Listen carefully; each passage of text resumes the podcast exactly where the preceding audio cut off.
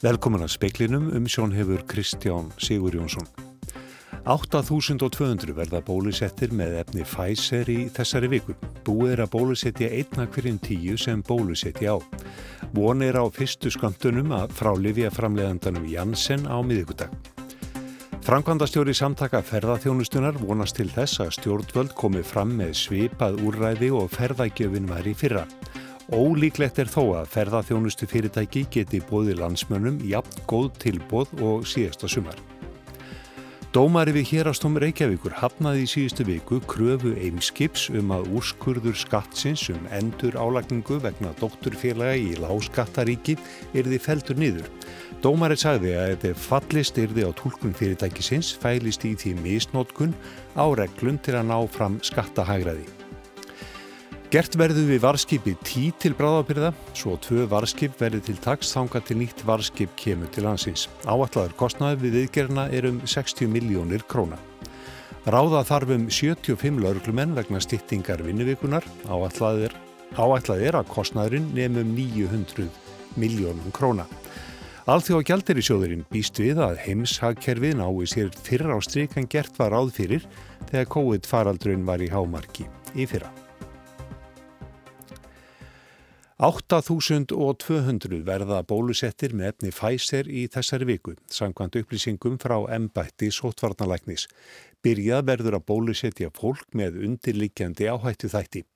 Búið er að bólusetja einna hverjum tíu sem stjórnvöld ætlað að bólusetja en það eru allir Íslandingar 16 ára og eldri. Nær allir sem eru 8-10 ára og eldri eru full bólusettir. Vonir á fyrstu sköndunum frá Livjaframleðandanum Janssen á miðugudag en þá koma um 2400 skamtar. Aðeins þarf eitt skamta bóluetni Janssen til að veita vörð gegn COVID-19 en ekki er búið að ákveða hverjir fá það bóluetni. Sankvæmt upplýsingum frá sótvarnalækni er það í vinslu. Í síðustu viku aprilmánaðar er búist við algjörum með fjölda skamta af bóluefnum til landsins því þá eiga að berast 25.400 skamtar af bóluefnunum fjórum sem hafa fengið skilirt markaðsleifi. Það eru ásand Pfizer og Janssen efni frá Moderna og AstraZeneca. Þessi skamtar verða síðan væntanlega getnir fyrstu vikuna í mæ. Katrín Jakobsdóttir forsættis ráð þeirra segir að þegar skýrist frekar um aðfendingu bólefna hinga til hans verði hægt að búa til skýrari ramma um hvenar hægt verði að slaka á takmörkunum til lengri tíma litið. Þorbjörg Sigriður Gunnlaugstóttir, þingmaður viðreysnar, spurði forsættisráð þeirra á alþingi í dag um nokkus konar afléttingar áallanir eins og danir og normenn hafa byrt. Við munum vinna að svona slíkri sín á vettvangi ríkistjórnar. Við vitum það hvar við teljum að við verðum stödd svona um mitt ár, þar að segja þá teljum við að bólusetning eh, verði hafin eða henni loki hjá 240.000 af þeim 280.000 sem ætlunin er að bólusetja. Þannig að við ættum, uh, miða við að þær áallanir eftir, gangi eftir, að geta sett upp einhverja vörður á þeirri leið. Saði Katrín Jakobsdóttir á Alþingi í dag. Ólíklegt er að ferðarþjónust fyrirtæki hafi tökku á að bjóða Íslandingum jafn góð tilbóð og síðasta sumar, segir Frankvanda stjóri samtaka ferðarþjónustunar. Hann segir að vona sér til að stjórnvöld gefi landsmönum aðra ferða ávísun en ekki likur fyrir hvort aðfenni verður. Fjölmörg ferðarþjónustu fyrirtæki byggðu landsmönum upp á góð kjör í fyrra og náma afslátturinn alltaf 75%. Jóhannes Þór Skúlason er formaður samtaka ferðarþjónustunar. Fyrirtækin eru á mun erfiðari stað núna, þau þurfa að opna eh, stærra og hraðar og uh, til þess að ná þeim ferðarmannaströymi sem verður í, í bóði ef einhver verður. Bindur ferðarþjónustan vonir við í aðra ferðaávísunni sumar? Já, það væri mjög ánægulegt að, að sjá aukið við ferðaávísununa eða ferðargjöfuna. Og landsmenn verðast byrjaður að skipilegja sumafríið. Við ætlum að vera svolítið duglega að fara á hálendi. Ég er hérna að selja hjólsið mitt þannig að ég er bara að byggja með potta heima og þú veist ég verði bara þar, í garðinum heima. Þú ætti þess að vera heima? Það stóð til að vera ellendis í sumar en um, öllu líkendum frestast eitthvað en ég stefni þó hver hjólaferðir í Austuríki í lok ágúst og byrjus eftirber ef Guðvars brautur lofa. Þetta voru þau Anna Dí Sveinbjörnsdóttir, Harpa Barker, Kolbett Nórnason og Bjarni Torfi Álþórsson. Anna Lilja Þóristóttir tók saman og nánar er fjallaði málið í kvöldfréttum sjóarps. Ákveðið hefur verið að ráðast í bráðabyrða við gerða á varskipinu 10. Skipið er orðið 46 ára gamalt en ekki er talið svara kostnaði að ráðast í endanlega viðgerð á skipinu og því hefur verið ákveðið að kaupa nýtt varskip sem mæntanlegt er til landsins í haust. Ásker Erlendsson, upplýsingafulltrúi landhelgiskeslunar, segir að áallaður kostnaður við viðgerðina nemi 60 miljónum króna. Jó, eins og þekktir orðið að þá kom upp bilun í varskipinu 10. januar, nú þegar skipið var tekið í slip hér í Reykjavík, að þá kom í ljós að þessi bilun var bæði alvarlegri og kostnaði meiri en menn gerðu ráð fyrir og uh, í kjálfar þess þá ákvað ríkistjórnin að ráðast í að keift yrði nýtt skip fyrir landhelgisgesluna. Nú varskipið Þór, það hefur verið í nótgun eitt síðan og það segir sér sjálft að það er ekki hægt að keira á einu varskipi endalust og þess vegna var ákveðið að ráðast í bráðabyrða viðgerð á varskipinu 10 þar til eh, varskipi Freyja kemur til landsins. En týr verður sér að klár í slæðin ef að, að kallið kemur? Já, það er gert ráð fyrir því að týr verði klár og eh, mun sinna eftirliti á Íslandsmiðum frá mæ. Hvað verður svo um tí þegar að Freyja kemur? Það likur fyrir söluheimild á tí en það eru þetta stjórnvalda að ákveða með framhaldið. Sagði Áskir Ellensson í viðtali við Jóhann Bjarnar Kolbensson. Nána veru fjallað um þetta mál í fréttum sjónvarsklukan 7. Embætti hér að saksóknara hefur felt niður mál Kristjáns Gunnars Valdimarssonar, lektors við Háskóla Íslands. Þetta staðfestir Katrín Hilmarsdóttir saksóknari hjá embættinu í skriflegu svari við fyrirspurn fréttastofu. Hún segir málinn ekki talin líkleg til sakfellingar og því feld niður. Brótaþólar í málunu voru fjórir en málinn þrjú voru aðalega rannsökuð sem kynferðisbrot. Brótaþólarnir geta kært niðurstöðuna til embættis ríkisaksóknara. Mál Kristjáns Gunnars vakti mikla aðtegli en hann er starfandi lögmaður, lektor við Háskóla Íslands og einn helsti skattasérfræðingu landsins. Framkom í fréttum að Kristján hefði fyrst verið handtekinn á Þorlagsmessu árið 2019. Þá grunar um frelsisviftingu og kynferðisbrót gert konu á trítusaldri. Hann var látin laus að morgni aðfangadags en síðan handtekinn aftur á jólanótt. Vaksandi gaggrinni er á dönsk stjórnvöld fyrir ákvörðun sem tekin var í fyrra um að ógilda dvalarleifi flóttafólks frá Sýrlandi á þeim fórsendum að í næstan ágrinni við borgina Damaskus væri örugt að búa. Ekki er útlitt fyrir að ákvörðuninni verði breytt. Frankvandastjóri flóttamannastofnunar saminu þjóðuna lísti í vikunni yfir áhyggjum af stöðinni. Málið komst í hámæli í vikuri þegar hinn 19 ára gamla Aya Abu Daher kom fram í sjómasviðtali Hún þykir tala mjög góða dönsku og er að útskrifast úr mentaskóla. Til stendur að senda hana og fjölskyldu hennar aftur til Sýrlands. Með tárin í augunum spurði hún hvað hún hefði gert ránt. Dvalarleifi fjölskylduna rann út í loki janúar og var þeim tilkynnt að það erði ekki endur nýjað. Slíkt hefur verið tilfellið hjá 189 sírlendingum í Danmörku síðan síðasta sömar eftir að yfirvöld ákváðu að endur skoða mál 500 sírlendinga frá Damaskus. Í síðustu viku lísti framkvæmdastjóri flótamannastofnunar samennuðu þjóðana, Filippo Grandi, yfir áhugjum af stöðumála í Danmörku. Hann telur það ekki svo að aðstæður neinstæðar í Sýrlandi séu það stöðugar að það er réttlega til að hætta að veita flótafólki alþjóðlega vernd. Ráð þeirra einflittendamála í Danmörku, Mattian Tesfæ, segir í samtali við AFP að stefna danska ríkisins gefi góða raun og henni verði ekki breytt. Stjórnvöld hafi verið opinvarandi stefnu sína frá fyrsta degi og sagt skýrt að dvalarleifi séu tímabundin, fari svo að staðan í heimalandinu batni beri fólki að snúa þangað. Andri Irkild Valsson sagði frá. Eimskipi var skilt að telja fram og greiða skatta á dótturfélagum sínum á Antíkva og Barbuta þrátt fyrir nett dótturfélaga í færium og upplýsingaskiptasamninga millir Íslands og láskattaríkisins. Hérastómi Reykjavíkur hafnaði í síðustu viku kröfu ymskips um að úrskurður skattsins um endur álagningu gjalda yrði feldur gildi. Deilan stóðum skattlagningu tekna af starfsemi dótturfélag fyrirtækisins í Færium og Antíkva og Barbuta. Dómarinn sagði að ef fallist væri á tólkun ymskips fælist í því misnótkun á reglum til að ná fram skattahagaræði. Hann sagði að engin útgerð væri frá Antíkva og Barbúta og þar væri kvorki að finna starfsmenn nýja fastegnir. Dómarinn sagði að það fyrirkomulag ymskips að stopna félög í færegjum og lágskattaríkjum endur speiklaði ekki efnagslega raunveruleika eða rekstrarlegan tilgang, heldur virtist það engungu gert til að ná fram skattahagræði sem gengi gegn markmiðum og tilgangi laga um tekjuskatt. Deila skattsins og ymskips nýra því hvernig ætti að telja fram og skattleggja tekjur félaga í Antíkva og Barbúta. Þau legðu móður félagi sínu í færi um skip án áhafna og þaðan komi allar tekjur félagana. Eitt dótturfélag helt utanum hvert skip 10 árið 2014 og 11 árið 2015. Móður félagið í færiðjum sem legði skipin af dótturfélagum sínum á Antíkva og Barbúta er dótturfélag, dótturfélags, dótturfélags eimskips. Brynjólfur Þór Guðmundsson sæði frá.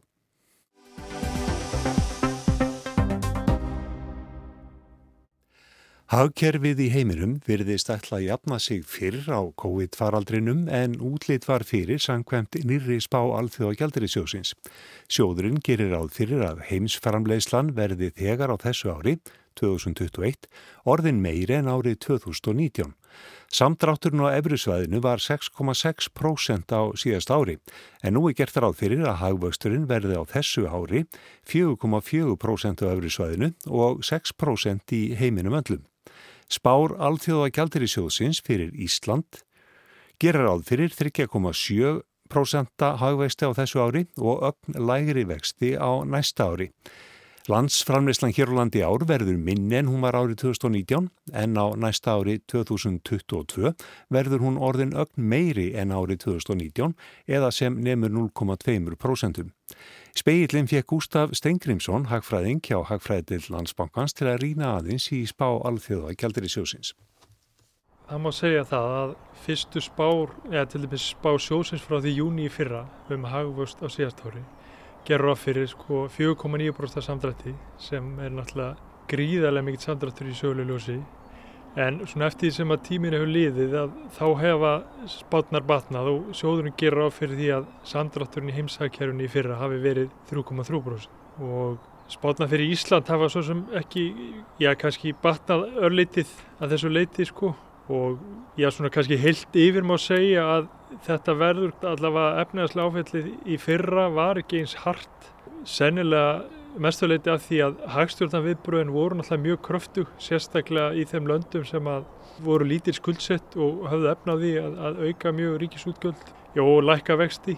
Og það má segja sko að svona setni hlutinu síðast ári hafi gengið miklu betur en, en sjóðurinn þorði að vona. Og kannski vegna þess að aðlugun að þessu nýja ástandi og má kannski helst nefna að það voru náttúrulega allir flutninga fóru náttúrulega svolítið úr skorðum og, og gekk erfilega að flytja vörur og, og allt vegna, vegna þess að flögi datt svo svakalega niður kargoflögið að þá virðist aðlugun hafa, hafa gengið bara nokkur rætt og það sem má kannski líka vita bæta er að þessi vingill um að fólk geti unnið svona mikið heima það var kannski ekki alveg viðbúið að það myndi ganga svona vel sérstaklega fyrir fólk sem er, getur unnið heima hjá þessar. Þannig að þetta fór betur en á að horðist. Og er þá samaskapi spáinn fyrir næstu ár betri heldur en menn byggustu? Já, eins og til dæmis spáu núna hjá hérna Alfjóða Gjaldurinssonum að hún gerir ráð fyrir því að, að það verði 6% hafastur í, í heimshafkerfun í ár sem er náttúrulega mjög mikill hafustur og þannig að heimsframlegslan verði þá 2,5% meiri á þessu ári heldur en hún var 2019, það er að segja árið fyrir COVID og það verður nú bara að teljast eiginlega alveg ótrúlega góður árangur og mikill árangur og, og þeir hafa bent á það að, þar sé að AGS hefur bent á það að efnaðsleg ör eftir þessa holskeplu núna verði selna mun minni heldur en árið 2008 og 2009 þar alþjóða fjármálakreppan gekk yfir. Þannig að kannski virðist við bara komast hraðar upp úr þessu heldur en þeirri krepp. En aðtunugreinar fara mismunandi út úr þessu? Já, það er náttúrulega alveg greinlegt og við, við sjáum náttúrulega mjög vel hér á landi að þetta er náttúrulega fyrst og fremst ferðarþjónustan sem hefur farið mjög ítla út úr þessu bæði hér heima á Erlendis og mörg lönd sem eru mjög háð ferðarþjónustu, jápil háðarinni heldur en við, hafa náttúrulega farið mjög ítla þannig að það skiptir miklu máli í raun að koma ferðarþjónustunum aftur á af stað, bæði hér heima á Erlendis og, og það gerist náttúrulega ekki fyrir en að, að verði komið svona nokkur með hérðónami í, í heiminum. En ef þú lítur á Ísland samanbórið við helstu viðskiptalönd, hvar stendur Ísland þá bæði í samdrætti og það að ná sér upp úr þessu á næsta ári og næsta ári? Kanski var samdrátturinn hér á landi, hann var kannski aðeins meiri á síðast ári heldur en í þessum helstu viðskiptalöndum og kannski sérstaklega vegna þess að, að ferðarþjónustan vegum er meira heldur en í viðskiptalöndum okkar. En það er gert ráð fyrir því að, að geða sér að spá því að verði bara nokkuð myndalegur hafustur á þessu ári og næsta ári og að við verðum komnir á, verði framleyslan hér á næsta ári, ögn meiri heldur en var árið 2019. Þannig að þetta kannski gengur aðeins hægar hjá okkur heldur en svona, skulum segja heiminum í heild, að koma okkur aftur á, á sama level og við vorum fyrir faraldur. En samt sem áður, mun betra heldur en útlítað fyrir? Já, og maður kannski segja það og, og kannski hafa væntingar um, eða væntingar okkar um, það er að segja hvena ferðarmann fara að koma aftur til landsins, það er hafa nú ekkit breyst og þó að þetta gangi svona upp og niður og við sem að taka tvö skref áfram og eitt aftur á baki í bólusetningum og í viðskiptalöndunum og hérna, að þá erum við ennþá nokkuð bjarsinn á það að ferðarlög geta fara að hefjast á ágætis krafti í haust til landsins. Þannig að bera þetta saman við fjármálakreppinu þarna 2008 og 2009, það er ekkit raunhæft. Nei, allavega ekki hvað okkur Íslandinga var það. Þetta var náttúrulega miklu, miklu meiri skellur þá og, og kom miklu harðar niður á öllum. Meðan að þessi kreppa er fyrst og fremst að koma niður allavega ef við tölum fyrir Ísland. Að það verður þessi kreppa fyrst og fremst að koma niður á þeim sem er að missa vinnunja og þeim sem er að missa tekjur. En allir hinnir, þar að segja við tökum almenning, að þá hefur langstæsti hlutin af fjölskyldulandsins bara, hefur það bara nokkuð gott efnaðslega síðan. Vextir hafa lækkað og, og íbólan lækkað og kaupmáttur ennþá að vaksa, verðbólka er til dæla lág, náttúrulega jógst mikið í hruninu. Þannig að við erum mjög miklu betri stað heldur en vorum þá. Sagði Gústaf Stengrimsson, hagfræðingur hjá Landsbanka Íslands.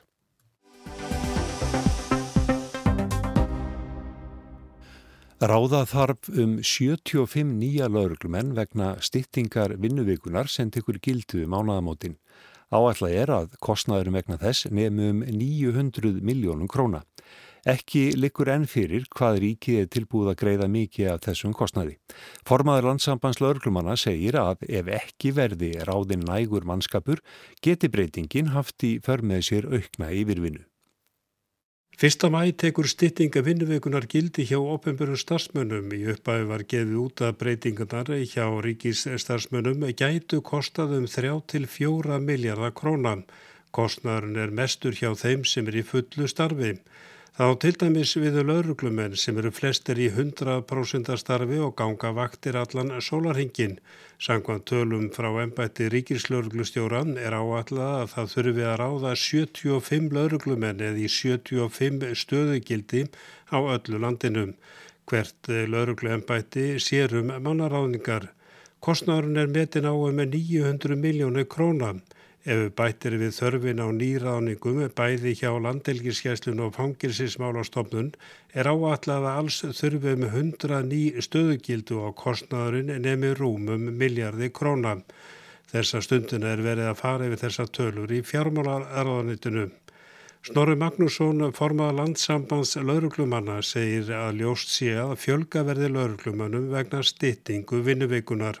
Þetta er hins vegar kemur líka kannski svolítið saman við það sem við höfum verið að segja mjög lengi hérna hjá landsamönda lörglumanna að það vantar sennilega lágmarki um 300 lörglumenn inn í liðið í dag og það fæst staðfæst úr, úr mannarblað greiningar skýrslum ennbættis ríkislörgustjóra þó nokkuð mörg ára aftur í tíman. Þannig að þetta gerir stöðuna kannski mun erfiðar en ella ef liði væri full mannað í dag þá væri kannski vöndurinn vegna, vegna vinnutímastýttingarinnar minni en, en það vitum við eins og það er ekki. En hafið þið áhyggjur af því hvernig þetta þróast í ljósi þess að eh, eins og þú segir að þá vantar bæði vegna stýttingar vinnuveikunar sem er framöndan og svo bara er það yfirlýst að það eh, vanti um 300 lauruglumenn. Já, við höfum að sjálfsögðu áhyggjur af því og við veitum svo sem ekki hvort að þessi fjöldi er til, getur við sagt, og hann er náttúrulega hvergi, hvergi nokkuð staðar á lagar, þú getur ekki sótt til lauruglum en á lagar einhver staðar, en, einhver fjöldi lauruglumanna eh, og einstaklingar sem eru með lauruglumentun eru í öðrum störfum í dag og jafnvel einhverjir hafa ekki fengið störfu eftir útskrift úr, úr háskólanámaður í Norður og Akureyri þannig að það eru til mentaðir einstaklingar eh, með lauruglumentun í öðrum störfum en svo þessu byrningin hvort að þeir hafa einhvern áhuga á því að það er þessi til og, og koma aftur til starfi í lauruglu eða fá ný störfi í lauruglu, það á eftir að koma í ljós. Þó að meti sé að það þurfi að ráða í 75 stöðugildi hjá lauruglunni út um allt land er margt sem bendi til þess að laurugluembættin meti það svo að það þurfi að ráða enn fleiri. Laurugluembætti á Suðunisum telur til dæmis að það þurfi að ráða um 30 lauruglumenn vegna breytingana sem verða fyrsta mæ. Einni ljóst að útlarðir lauruglumenn eða lauruglumenn með pró eru ekki alveg á lausu og þess vegna verði ránir aflensingamenn í einhverju mæli.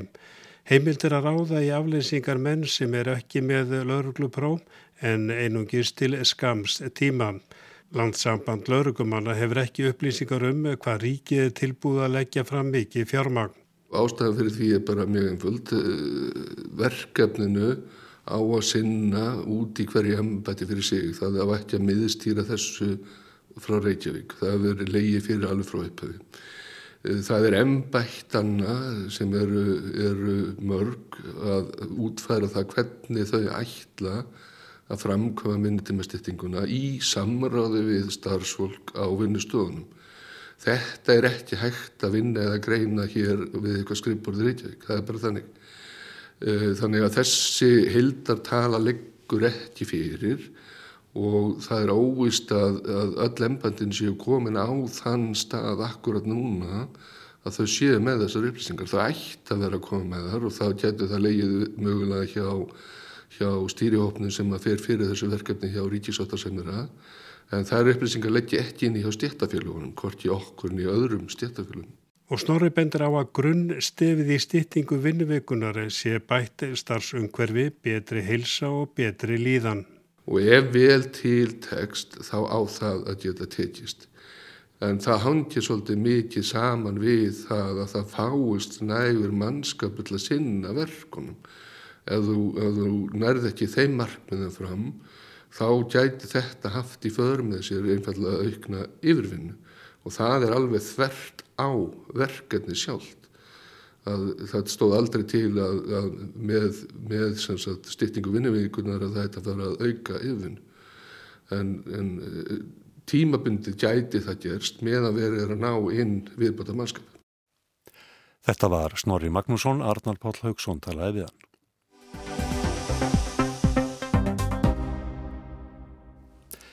Fyrir 23 árum 10. apríl 1998 var friðarsankumulagið kent við förstudagin langa undirritað á Norður Írlandi.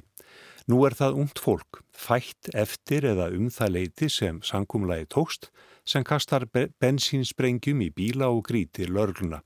En eins og alltaf á Írlandi, gamlar sögur og nýjar fletta saman og þá líka samþætting glæpa og hriðverka.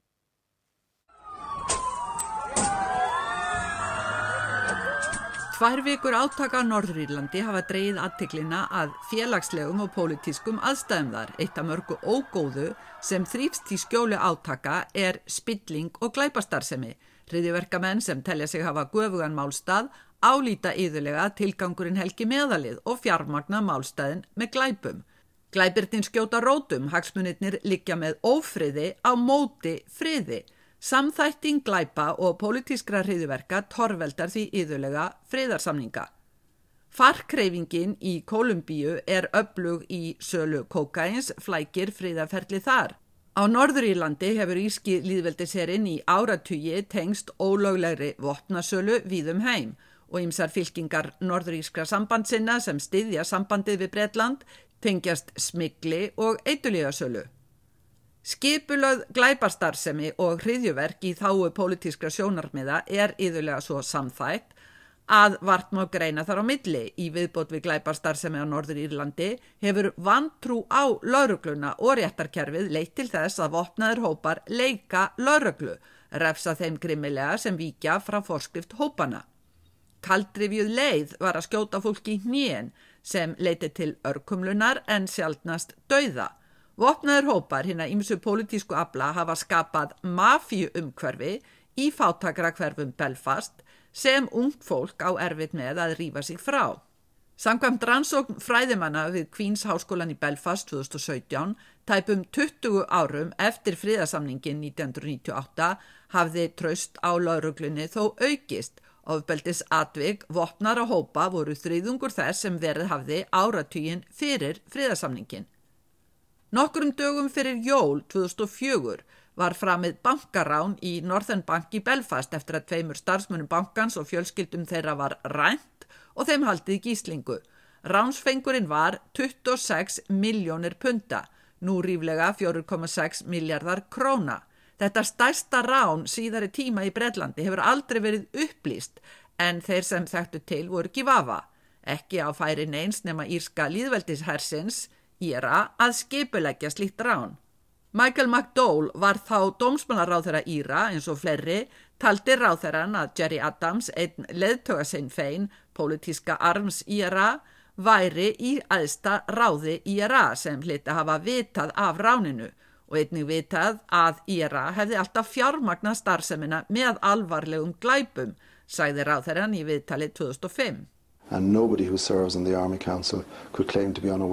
Of the fact that they were carrying out serious fundraising through criminality. Ránið þótti ógnun við friðarsamningin en samningurinn hjælt. Einkenningin var að IRA hefði þarna verið að næla sér í eftirlaunasjóð eftir að hafa lagt niður vopni í kjölfar samningsins. Driffjöðurinn hefði verið þekktur IRA maður Bobby nokkur Stóri. Í jarðaför Stóris í fyrra á Norðurílandi voru allar COVID-reglur brotnar sem hefur átt sinn þátt í að kinda undir olgu núna og hver hjælt líkræðuna yfir stóri. I also find it very unique and touching that many people have sympathized with me about Bobby's death. Jú, það var Jerry Adams sem var snortin yfir hvað margir höfðu samhrikstónum sjálfum vegna Louds Stories. Svona eru þessar írsku sögur býta í skottið hver á annari. Óerðirnar nú vekja víða áhyggjur þá líka í hvítahúsinu þar sem Jen Psaki, talskona Joe Bidens bandaríkjaforsetta, sæðist fyrir helgi taka undir ákall breskra, írskra og norðurískra ráðamanna um ró. Forsetin stitti staðfastlega öryggi og uppbyggingu á Norðurílandi. We are concerned by the violence in Northern Ireland and we join the British, Irish, and Northern Irish leaders in their calls for calm. We remain steadfast supporters of a secure and prosperous Northern Ireland. Óerðirnar undanfarið vekja ugg um að jarðaförstóris en þó engum Brexit samningur Borisa Johnsons við ESB um Norðuríland síu neistar til að kveikja gamla ófriðarbálið. Og neistarnir hafa flóið í hópum ungmenna sem eru miklu yngri enn friðarsamningurinn. Fyrir helgi voru þrýr 14 ára strákar handteknir í Belfast fyrir óerðir þar sem 12 ára krakkar kom við sögu. Og að hliðarlínunu hefur staðið fullöðu fólk sem hefur hrópað kvartningarorð til krakkana. Ímsir sem þekkja til þarna segja að framtakið líka ekki hjá krökkunum heldur íti vopnaðir glæpahópar á börn og ungmenni til þáttöku eins og presturinn Martin McGill sagði í viðtal við Breska ríkisútarpið um helgina. One of my concerns would be are young people in some ways been groomed into paramilitary organizations? Hið áhugjusamlega er að þrátt fyrir margvíslega aðstóð við Norðuríland í kjölfar friðarsamningana er staða barna og ungmenna í fátakustu hverfum Belfast slæm. Þau eru því auðveld bráð glæpagengja. Sigrun Davísdóttir sagði frá. Það var helst hjá okkur í speiklinum í kvöld að 8200 verða bólusettir með efni Pfizer í næstu viku. Í þessari viku búið er að full bólusetja einna hverjum tíu sem bólusetja á. Mónir á fyrstu skömmtunum frá Livja framlegandunum Janssen á miðugudag. Framkvæmdastjóri samtaka ferðarþjónustunar vonast til þess að stjórnveld komið fram með svipað úrræði og ferðargjöfin væri fyrra.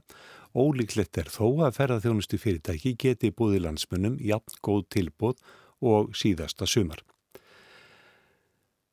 Ráða þarf um 75 lauruglumenn vegna stýttingar vinnuvíkunar á allað er að kostnaðurinn er með um 900 miljónum króna. Fleirir ekki í speiklinum í kvöld, Mark Eldred sendi út, veriði sæl.